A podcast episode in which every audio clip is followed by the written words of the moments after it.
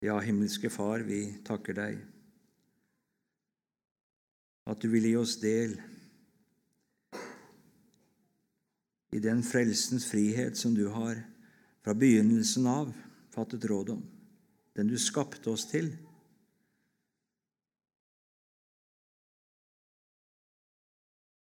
Og så ser du, og du kjenner våre hjerter, og du kjenner vår ustadighet og vår At vi er som får som vender oss hit og dit.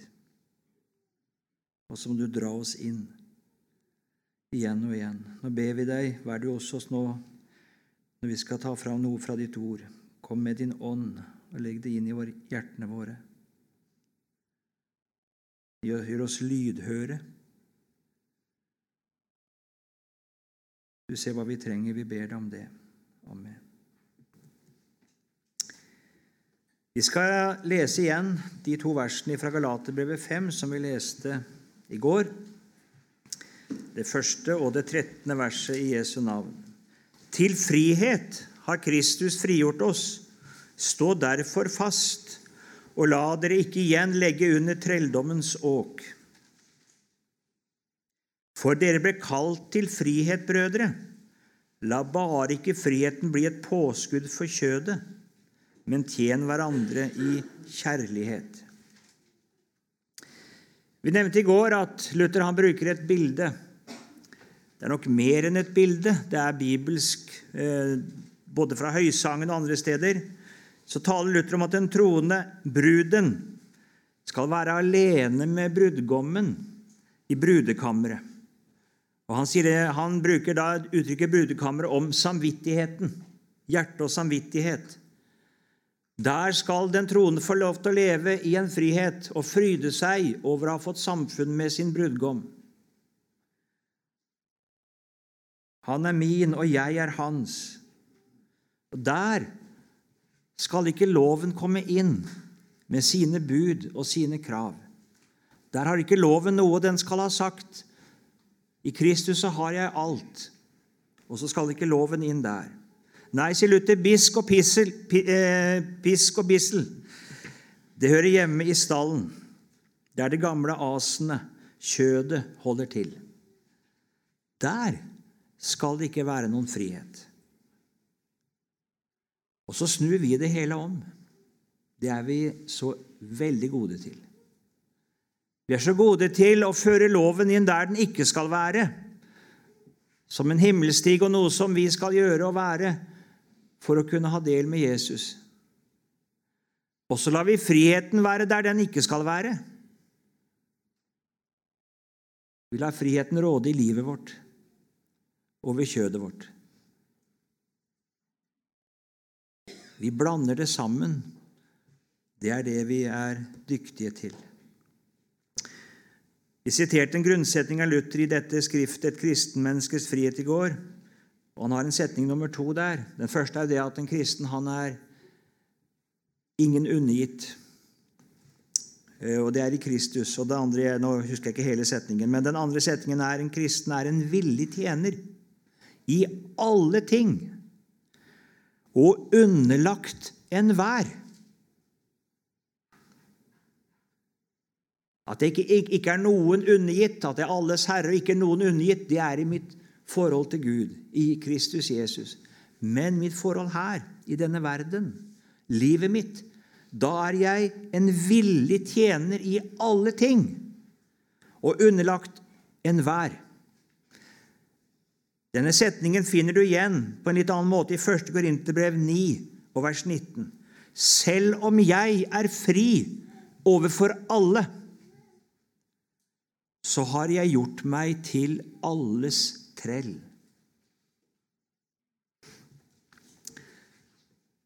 Du som hører Jesus til, hvis du i sannhet gjør det, har fått komme til Han med alt ditt og fått dette salige byttet, og fått tro at alt ditt det ble korsfestet med Kristus, det ble gravlagt med Han, det er du løst ifra.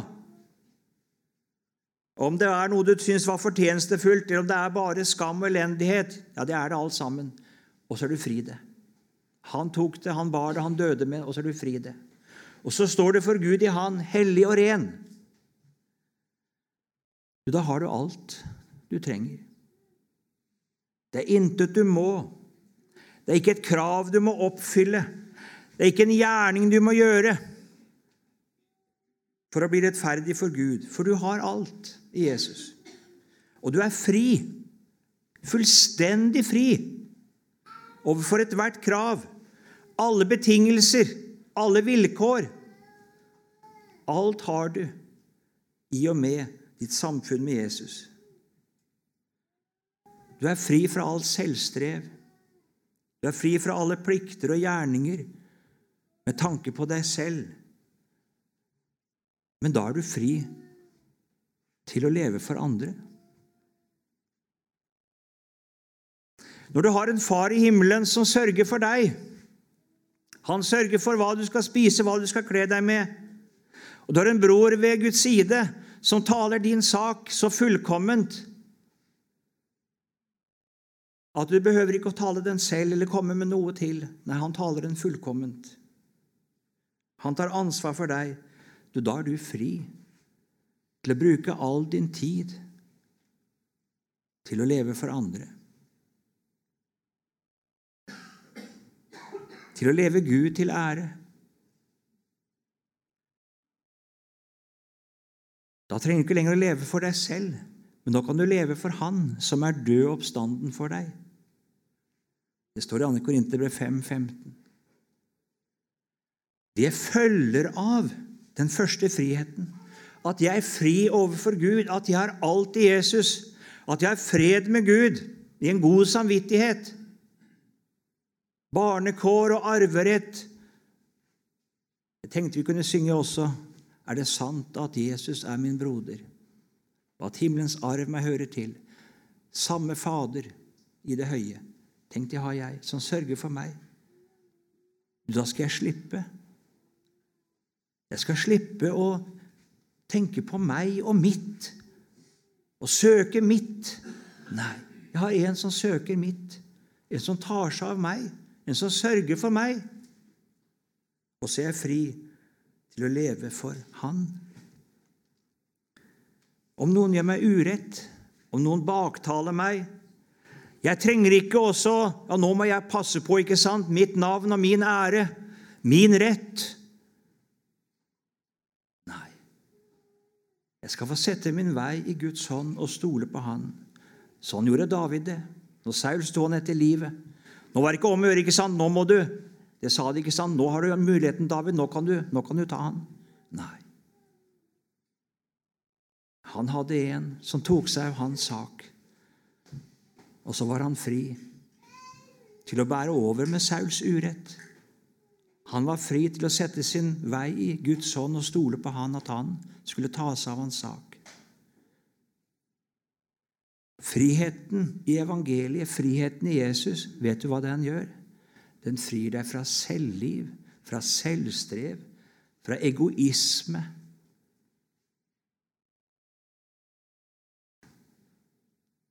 Jeg så en gang et flott bilde. Der sto det to trær. Det ene var vantroens tre. Vantroen, ikke sant? Ja, da må jeg, da må jeg sette min lit til mitt eget. Da er min egen lykkes med. Og den kom det alle vantroens frukter. All synd og all ugudelighet. Og så var det et annet tre. Det var troens tre. Og den som setter sin lit til Gud og stoler på Han, det frir. Der så du fruktene. Det frir fra selvhevdelse, fra egoisme, fra løgn. Nei, har jeg en som tar seg av min sak, en som sørger for meg, hvorfor skal jeg lyve? Hvorfor skal jeg stjele? Hvorfor skal jeg baktale? Hvorfor skal jeg hevde meg? Nei, jeg har jo en far i himmelen. Jeg har en bror ved Guds side. Jeg kan slå opp i Salme 37. Der møter du Der møter du nettopp et liv som springer ut av troen på Jesus, av friheten i Kristus. Vi kan lese fra vers 3 der. Sett din lit til Herren og gjør godt. Bo i landet Altså lev i Guds løfte, kan vi gjerne si. Og legg vind på trofasthet. Gled deg i Herren, så skal Han gi deg det ditt hjerte trakter etter. Sett din vei i Herrens hånd og stol på Ham. Han skal gjøre det. Han skal da la din rettferdighet bryte fram som lys og din rett som lyset midt på dagen. Vær stille for Herren og vent på Ham. La ikke din vrede opptennes over den som har lykke på sin vei over den mann som setter i verk onde planer. Avstå fra vrede og la harme fare. Du kan la det være. Du kan overlate det til Gud. Du kan stole på Han, og så frir det fra selvhevdelse, fra synd og verslighet. Du er fri, du som er Jesus til. Fri til å stille lemmene dine til rådighet for Gud. Som rettferdighetsvåpen. Det er du fri til. Den som er født av Gud, og som har kommet i denne friheten, han har fått en helt ny trang. En trang til å tjene Gud. Ikke for å få noe, nei, for intet. I kjærlighet. Det er det nye livets vesen, det. Han har fått alt for intet. Og så kan han gjøre alt for intet, for jeg har jo alt for intet. Men så erfarer du du som er født på ny, og som vil leve dette livet, at du har et kjød her inne. Det er ikke villig. Det er oppsetsig. Det er som det alltid har vært. Det vil tjene verden, det vil tjene sin egen lyst. Så det går ikke av seg selv, dette her. Noen tenker at det jeg taler om nå, det, det Ja, av seg selv bærer jorden grøde. Jeg vet det står det. Men det betyr ikke at ikke det fins en kamp. Sett et hvetekorn i jorda, og det gror på en måte av seg selv, men det gror noe annet opp ved siden av også. Og Sånn er det også i ditt liv. Det er noe som virkes der av evangeliet. Som, men det møter motstand, for du har et kjød her inne. Romerbrevet 7, vers 22. Vi kommer til å lese en god del nå. For etter mitt indre menneske slutter jeg meg med glede til Guds lov. Men i mine lemmer ser jeg en annen lov, som strider mot loven i mitt sinn, og som tar meg til fange under syndens lov, som er i mine lemmer. Du leste i går fra 1. Korinterbrev, det var kvelden før, vers 9 og vers 27 der. Første kor 9,27. Men jeg undertvinger mitt legeme og holder det i trelldom. Hvorfor det? Jo, for i mitt legeme så er det så mange ting som kjemper imot. Det er ikke villig. Nei, det vil ikke ta fram Bibelen og lese. Det vil ikke gå og hjelpe den som trenger hjelp. Det vil ikke bruke tiden på de andre. Og så må det undertvinges. Det kan ikke få det som det vil. Skal jeg følge det indre menneskets trang. Jeg har en annen, jeg ser en annen lov i mine lemmer som strider mot loven i mitt sinn. Det må undertvinges. Det er noe som heter forsakelse. Har du hørt om det? Jeg tror nesten aldri jeg har hørt det prekt om. Forsakelse. Det er noe du må si nei til. Det er noe du må nekte deg. Det er deilig å ligge om morgenen, er det ikke det? Ja, men kanskje du skulle vært oppe og lest litt? Det koster litt, det. Forsake den søvnen.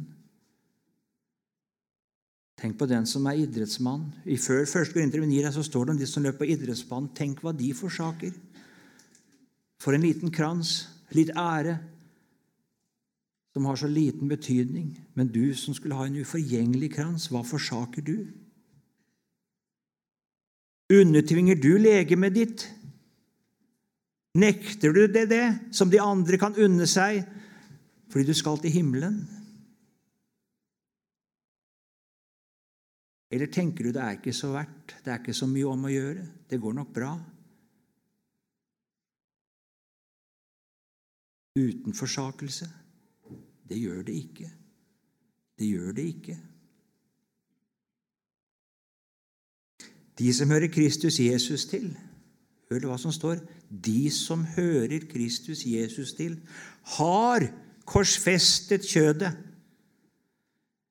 Og Det er ikke tale om det som skjedde på korset da Jesus døde. Da ble vårt legeme korsfestet med ham. Men her er det snakk om noe som også skjer i ditt hverdagsliv. Den som hører Jesus Kristus, alle de har korsfestet kjødet. De har ikke gitt det rett til å leve lenger. De har korsfestet det med dets lidenskaper og lyster. Hører du Jesus til? Gjør du det?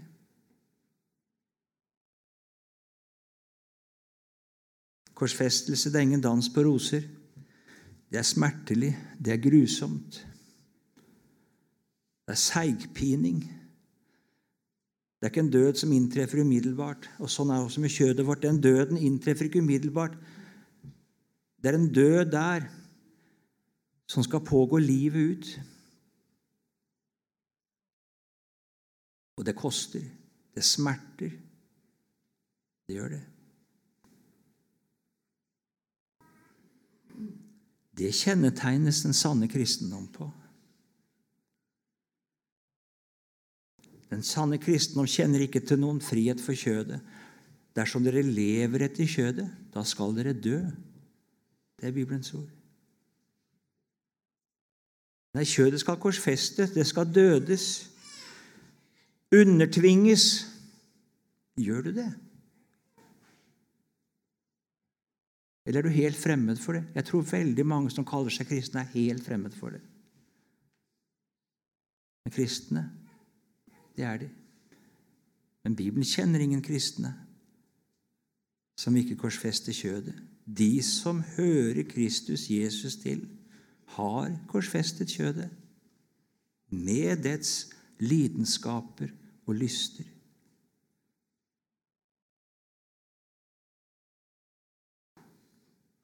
Hele Skriften den går til felts mot en kristendom som ikke utfolder seg i et sant kristenliv.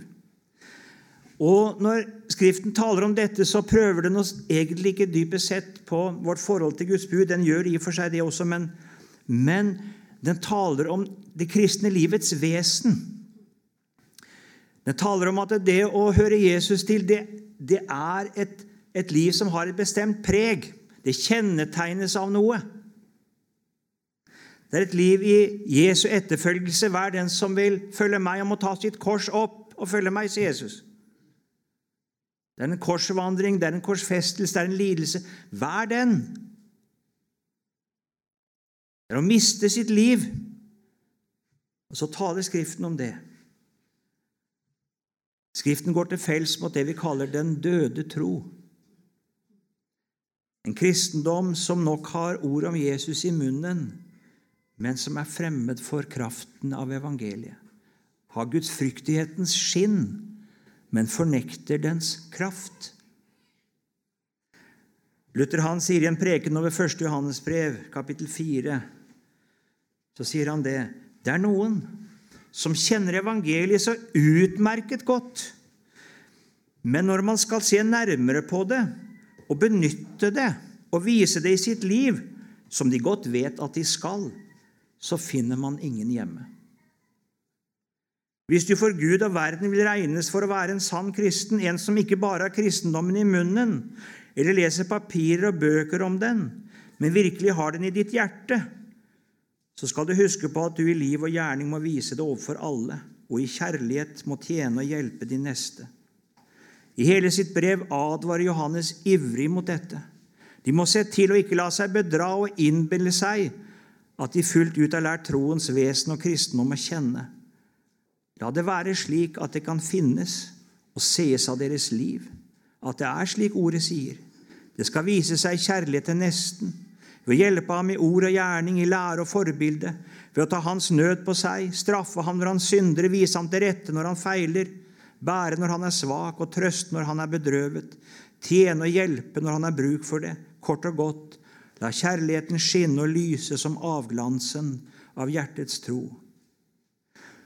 La bare tønnen utvendig av fine staver, bunn og tønnebånd, for så lenge den larmer og er hul, er den ikke til noen nytte. Pent kan du pynte deg med ord og lære, men det er bedre for alvor å ha Kristus i sitt hjerte, for det vil alltid komme til syne. Vi kan falle i to grøfter som kristne. Vi taler om én mye, som om det var det store problemet i vår tid. Vi kan tale mot det å oppstille sin egen rettferdighet. Vi kan tale mot det å føre loven inn i samvittigheten og gjøre loven til en himmelstige. Et eller annet vi skal være og gjøre for å vinne Guds behag, når vi skal føle, når vi skal oppleve. Og Det er ikke det at ikke noen er der. Det er det. Men en skulle tro at alle var der når vi hører forkynnelsen. Det er en annen grøft. Det tales ikke mye om den, men der tror jeg de fleste ligger det er de som bare har troen. De kan evangeliet så uendelig godt i hodet, i munnen, men lever ikke i den.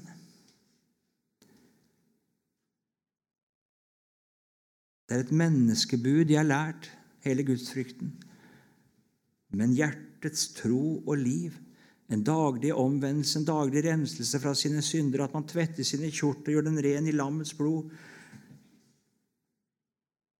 man taler om det, men man lever ikke i det. En har lært evangeliet at vi kan ikke gjøre noe til frelse. Jeg skal ingenting gjøre. Ja, og så godt så slipper jeg å gjøre noe som helst. Og Det er litt farlig til og med å ta det for alvorlig. Og Vi skal jo ikke være loviske. Og så bruker de det som ondskapsskjul. Som en leilighet, som vi leste her, for kjødet.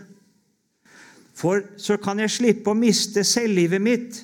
Så kan jeg slippe å ta oppgjør med lysten min og med det jeg så, er så glad i, og som koster så mye.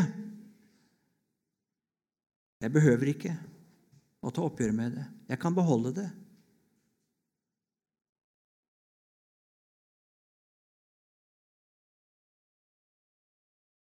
Det var slik Kain hadde det.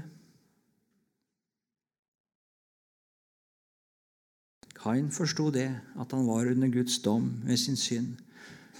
Og Så sier han det min misgjerning sier han, er for stor til at jeg kan bære den. Han mente ikke det. Det var straffen. Han ville bli fri. Han ville ikke bli fri misgjerningen og synden. Men han, han syntes straffen var for hard. Så satte Gud et merke på han, og så skulle ingen ta livet av Kain. Og Da ble vel Kain glad. Da ble vel han takknemlig. Da takket og priste han Gud. Nei, det gjorde han ikke. Da kunne han fortsette å leve borte fra Gud. Og så flyttet han bort til landet Nådd. Det betyr omflakkende og, og ja, han flyttet bort fra Gud. Så kunne han bruke denne nåde til ondskaps skjul, til en leilighet til å leve videre uten konsekvens. Mange er de som bærer kristennavnet, som lever som Kain. Det er vår tids kristendom, det. En har sitt liv og sin lyst fortsatt i synden og verden. Jeg vil gjerne høre at den er fri fra loven, for da slipper man å ta det så alvorlig. Da kan jeg legge bare Guds bud vekk. Alle formaningene vekk. Nei, det står der jo bare Det har jeg hørt på prekestolen. Det står der bare for å fortelle meg at du kan ikke få det til, så skal du slippe å tenke noe mer på det. Nei. Sånn kan du ikke lese Jakobs brev eller Bergprekenen. At det står der bare for å fortelle at slik kan ikke du leve. Slik forventer Jesus at du lever du som hører Han til. Det er tale om en skjøgekristendom. Vi leser i Jesaja 1 Å, hvor hun er blitt en skjøge, den trofaste byen. Det var Jerusalem, Guds by. Hadde blitt en skjøge. Og hva er det den falske kristenheten kalles i åpenbaringsboken? Hva er det bruden har blitt i åpenbaringsboken? Hun er blitt en skjøge. En skjøge. Hva er det som kjennetegner skjøgen? Jo, hun vil gjerne ha elskerens gaver, men hun ville ikke ha noe forhold til ham. Hun ville ikke ha noe troskapsforhold til ham. Hun ville ikke leve med ham. Hun vil ikke ha et hjerteforhold til ham, men hun vil ha gavene. Og sånn er det mange. De vil ha syndenes forlatelse, vil ha evig liv, men vil ikke ha noe liv med Jesus. Vil ikke leve med han, vil ikke komme han nær, vil ikke ha han kjær. Har du det slik?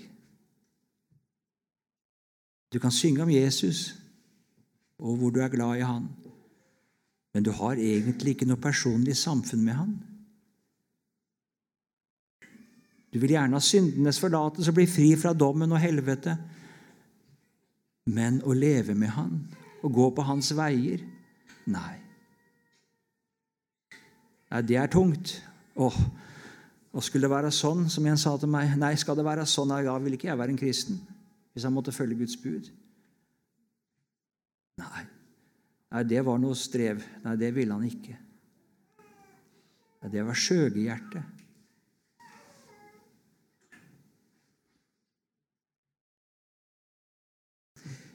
Når Guds ord møter den som mener seg å ha det i orden, som mener seg å ha det rett med Gud, så møter Guds ord det mennesket på en annen måte enn det møter den som er fortvilt over seg selv, den som er i nød over sin synd og tenker at 'det går ikke for meg', og som er fortvilt.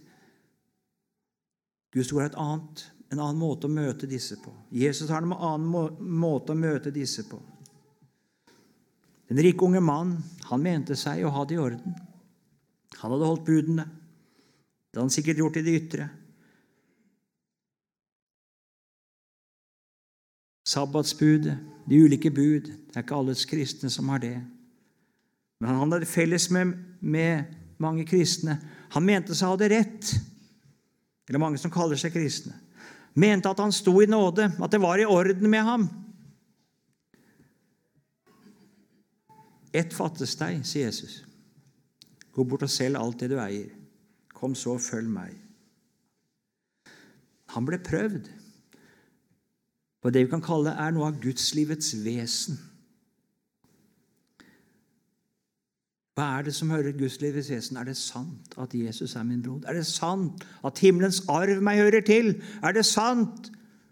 Å,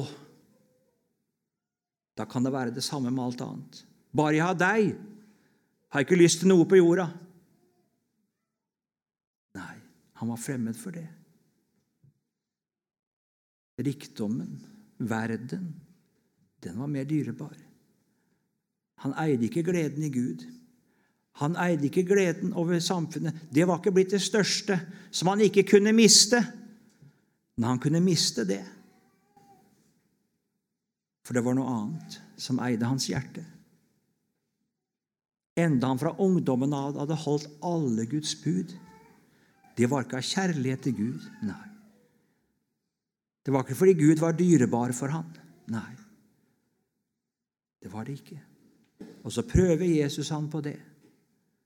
Han sier i Wisløff i en tale over den Syns det var noe lite Jesus innbød han til? Å få en skatt i himmelen, syns du det var lite? Syns du det er lite? Ja, Det som syns det er lite, han syns det er tungt. Må jeg omvende meg? Kan jeg ikke det og kan jeg ikke det og kan jeg ikke det? Skal jeg være en kristen. Å, ja, da blir det tungt. Ja, hvis det som Jesus innbyr deg til, hvis du syns det er lite, da koster det for mye. Men er det det ene nødvendige? Er det slik at nei, for all den ting jeg visste, kan jeg min Jesus miste? Tenk hva han har gitt meg. Tenk hva jeg har i han. Han har frelst meg, han har berget meg. Det får koste hva det vil. Jeg må hjem til himmelen.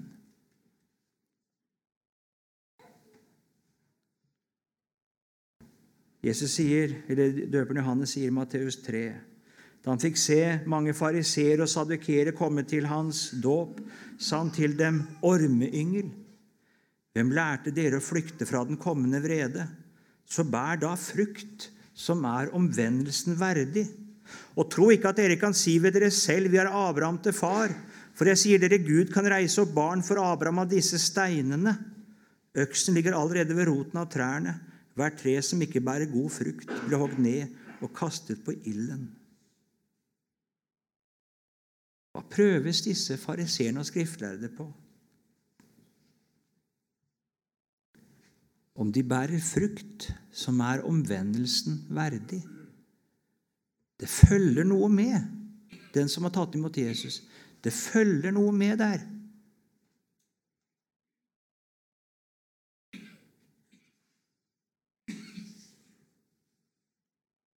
Gud forventer et omvendelsesliv. Han forventer et gjenfødelsesliv.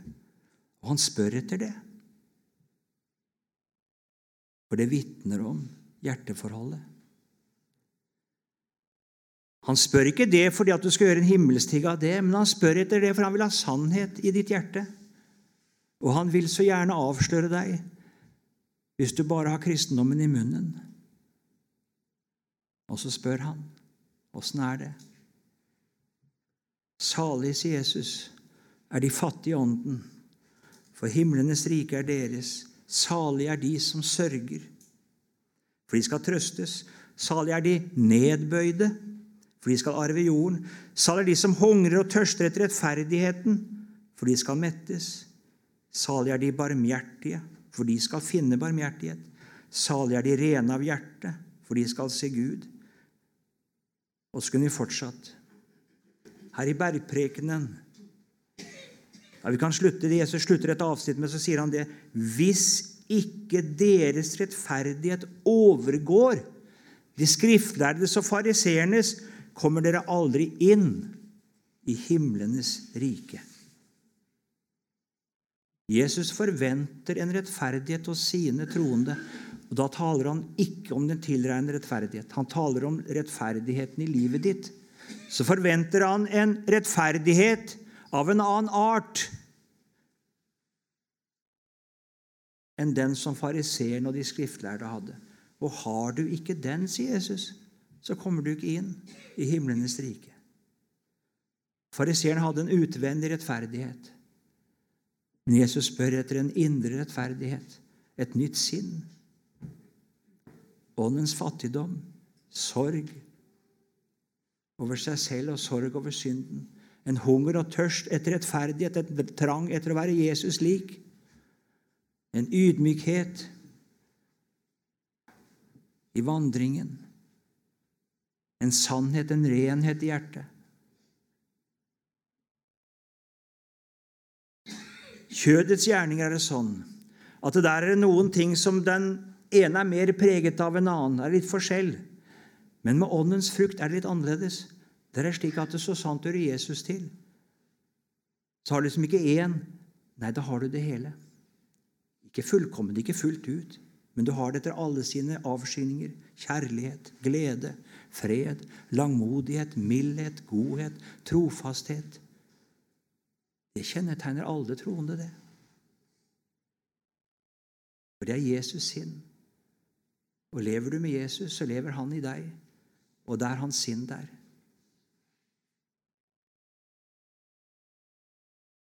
Jesus fortsetter ikke i bergpreken, men i Matteusevangeliet la enten tre være godt og dets frukt god, eller la tre være dårlig og dets frukt dårlig.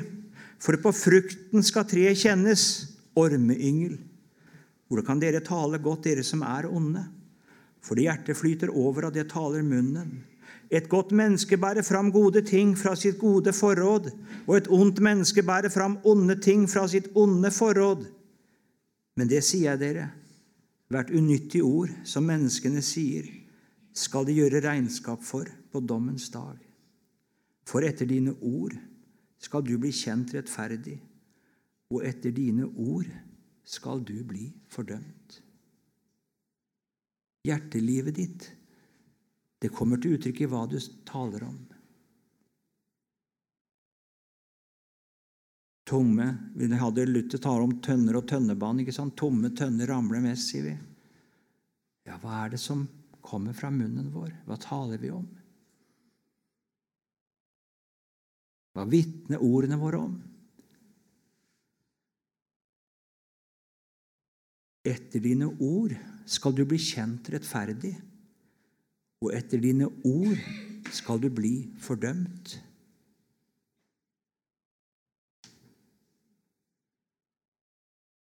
Ja, Så sier noen ja, ja, om ordene mine fordømmer meg, så har jeg jo Jesus, og så går det bra. Nei. Nei. Her er tale nettopp om at ordene vitner om ditt forhold til Jesus. Det er det jeg taler om. Det du taler om, og hvordan du taler, det vitner om ditt hjerteforhold til Jesus. Det er noen bøker på dommens dag.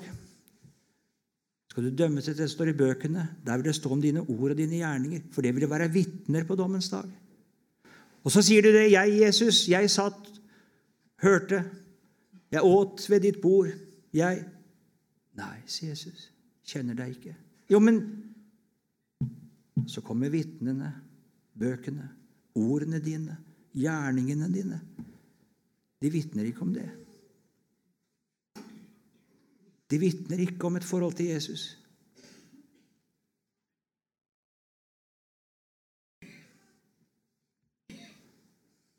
Ransak dere selv, 2. Korinterbrev 13,5, om dere er i troen.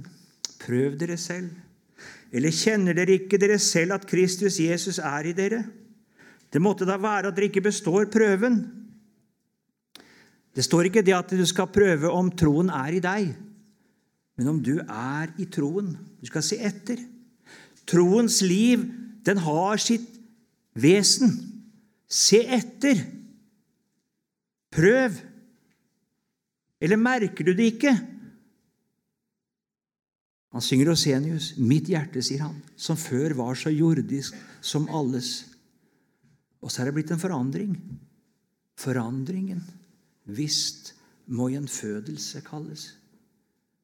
Han hadde merket at hjertet hadde fått en ny lyst, en ny trang, et nytt liv. Merker du det ikke? At Kristus Jesus bor i deg? Det måtte være at du ikke beså prøven. Se etter, sier Bibelen. Om du er i troen, om du har et liv som er i samsvar med troens vesen. De som hører Jesus Kristus til, har korsfestet kjødet med dets lidenskaper og lyster. Er du fremmed for det? Jeg har lyst til Guds lov etter mitt innvortes menneske. Er du fremmed for det? Eller kjenner du det? Å ja. Gjerne ringe deg, Jesus. Jeg ville gjerne følge deg. Det får koste hva det vil. Jeg må høre deg til.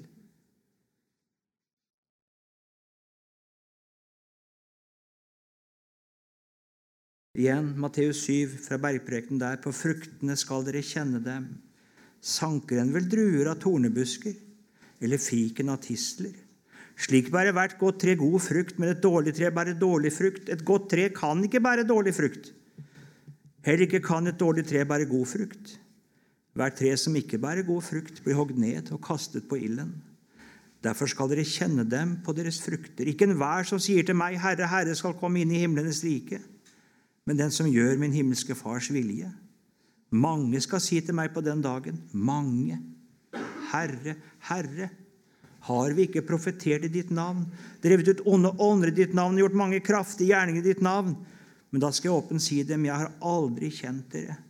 Vik bort fra meg, dere som gjorde urett. Vi skal lese det fra 1. Johannes 2, fra vers 3. Ved dette vet vi at vi har lært ham å kjenne. Om vi holder fast på hans bud Den som sier 'jeg kjenner ham', og ikke holder fast på hans bud, han er en løgner, og sannheten er ikke i ham. Men den som holder fast på hans ord, i ham er sannelig Guds kjærlighet blitt fullkommen. Av dette vet vi at vi er i ham. Den som sier at han blir i ham, han er også skyldig til å vandre slik som han vandret. Mine kjære, det er ikke et nytt bud jeg skriver til dere, men et gammelt. Et bud dere har hørt fra begynnelsen av. Det gamle budet er det, budet, er det ordet som dere har hørt. Likevel er det et nytt bud. Hvorfor det? Jo, for nå er dette gamle budet blitt en realitet. Budene ble skrevet på steintavler i den gamle pakt. Men i og med troen på Jesus og gjenfødelsen så skrives det på hjertet. Levende. Og så er det nytt i en kristens liv. For nå er det ikke bare et utvendig bud som kommer til meg utenfra, men nå er det hjertets liv. Likevel er det et nytt bud jeg skriver til dere, og det er sant i ham og i dere. Det er en realitet i dere. For mørket viker bort, og det sanne lys skinner allerede. Den som sier at han er i lyset, og som hater sin bror, han er ennå i mørket. Den som elsker sin bror, blir i lyset, og det er ikke anstøt i ham. Men den som hater sin bror, han er i mørket og vandrer i mørket. Han vet ikke hvor han går, for mørket har blindet hans øyne. Et lite eksempel, altså. Hvis du blir i hat, fiendskap, bitterhet, baktalelse, ondskap Nei, det har ikke Jesus fått rom her inne. Jesus taler jo om det, ikke sant? Den som er tilgitt 10 000 talenter, og som går bort og tar kvelertak på en som skylder han 100 denarer. Det var ikke så lite, det. 100 dagslønner. Det er ganske betydelig.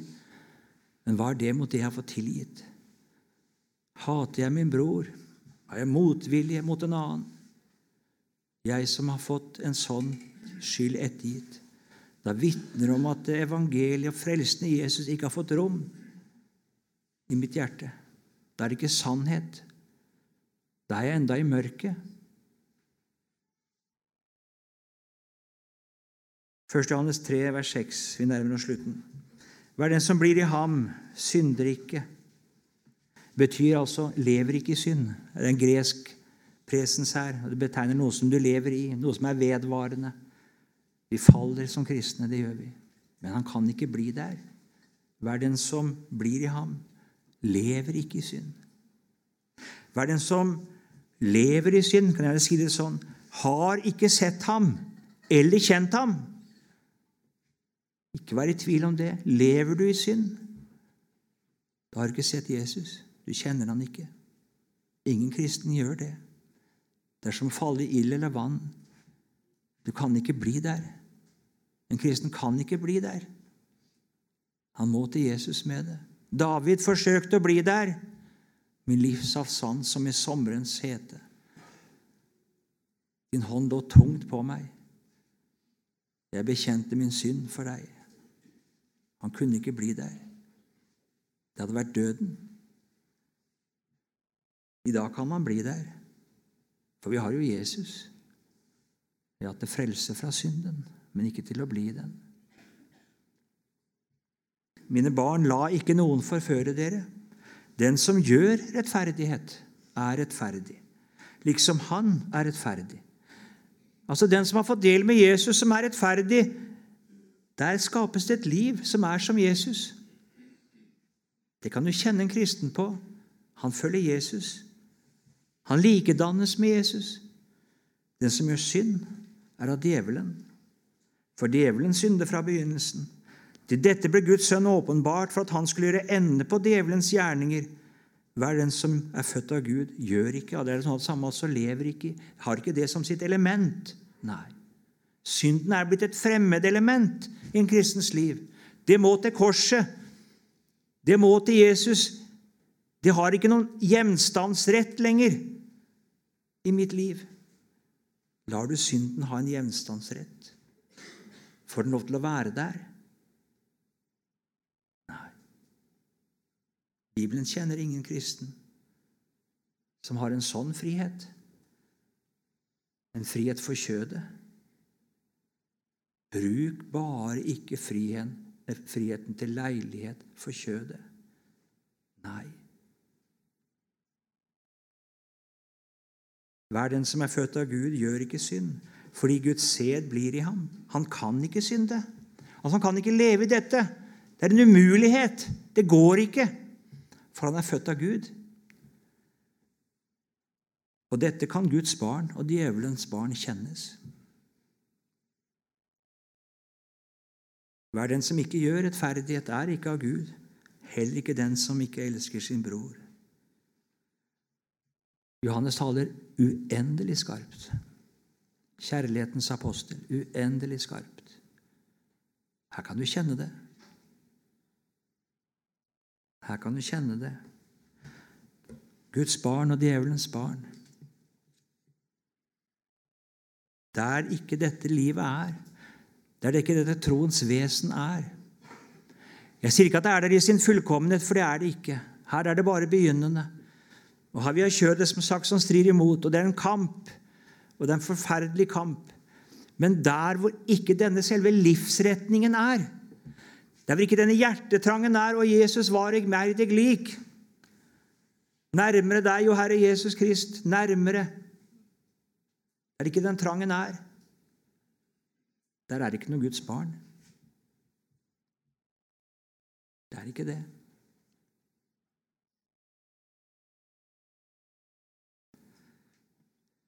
Der er det bare en tro og kristendom i det ytre. Men det er noe grunnleggende galt i livsforbindelsen med Jesus. Det mennesket er fortapt, og det går fortapt om ikke det blir omvendt. Vi skal regne med det, at det er mange slike i de troende forsamlinger. At det er mange grener som ikke bærer frukt. Jesus taler mye om det. Profetene taler mye om det. Apostlene taler mye om det. Åpenbaringsboken, sendebrevene, taler mye om det. Jesus taler om de siste lignelsene, skillet som skal gå midt i flokken. Vi taler som om alle er kristne. Jesus gjør ikke det. Derfor ber han oss prøv dere selv. Se etter. Er du i troen?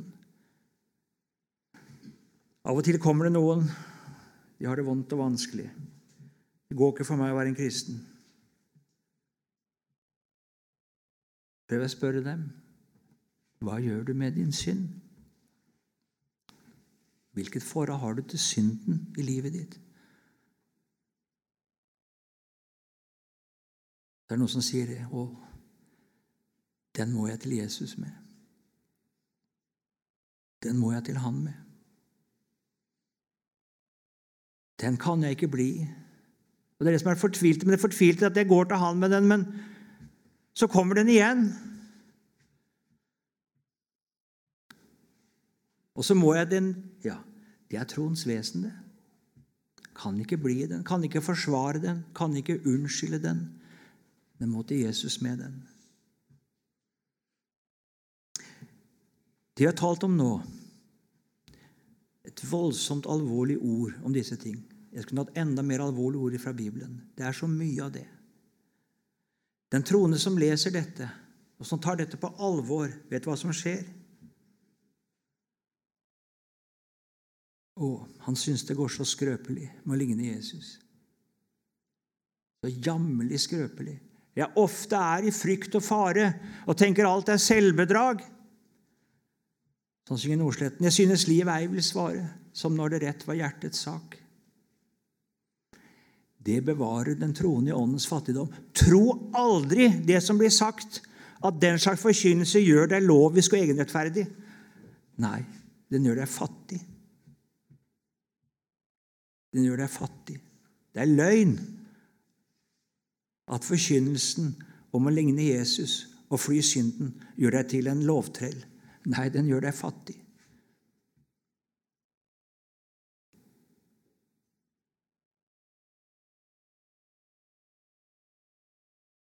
Du blir enda mer fylt av hunger og tørst etter rettferdigheten. Hvem er det som har hunger og tørst etter den? Det er den som skulle hatt så mye mer av den, og som har så altfor lite av den. Men bare ta det lett med å være en kristen. Ikke ta det så nøye, så er det snart ikke noe problem. Du blir sikker, og du har på, du har det på stell. Og du kan sitte der på din høye hest og tale om de andre som Ja. Men du som virkelig vil følge Jesus, du får ikke så mye å snakke så høyt om. Jeg ofte er i frykt og fare og tenker alt er selvbedrag. Jeg synes livet ei vil svare, som når det rett var hjertets sak. Hvor skal jeg gå med denne nød? Jo, Ile til min frelsers skjød. Det gjør deg til en nådetigger. En som kjenner til åndens fattigdom. Skal du bevares i den, så må du ta det alvorlig med å være kristen. Skal du bevares i åndens fattigdom, så må du ta det alvorlig med å være kristen. Vi formanes i Bibelen til å bære frukt. Vi formanes til å vandre i ånden, ikke etter kjødet. Formaningen forutsetter at det er et villig sinn som sier ja. Å, Jesus, jeg ville komme deg mer nær, og jeg ville så gjerne. Reagerer du negativt på slik tale? Gjør du det? Vil du ikke høre den? Reagerer du spontant? Du vil ikke ha noe av dette her. Du, det vitner om at ditt hjerte ikke er rett for Gud. Du kjenner ikke til barnekårets ånd som roper 'Abba, far'. Du har ingen trang til å leve han er. Du er fremmed for det. Da må du omvende deg.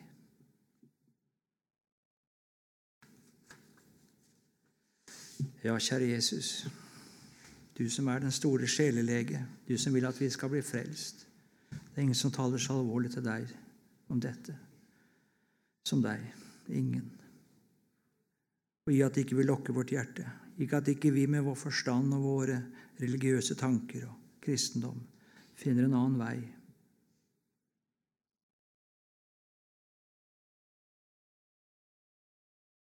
Bevar oss, du, i åndens fattigdom. Bevar oss i en hjertetrang, Jesus, etter å vandre deg, etter å følge deg, på den veien som alene fører til målet. Amen.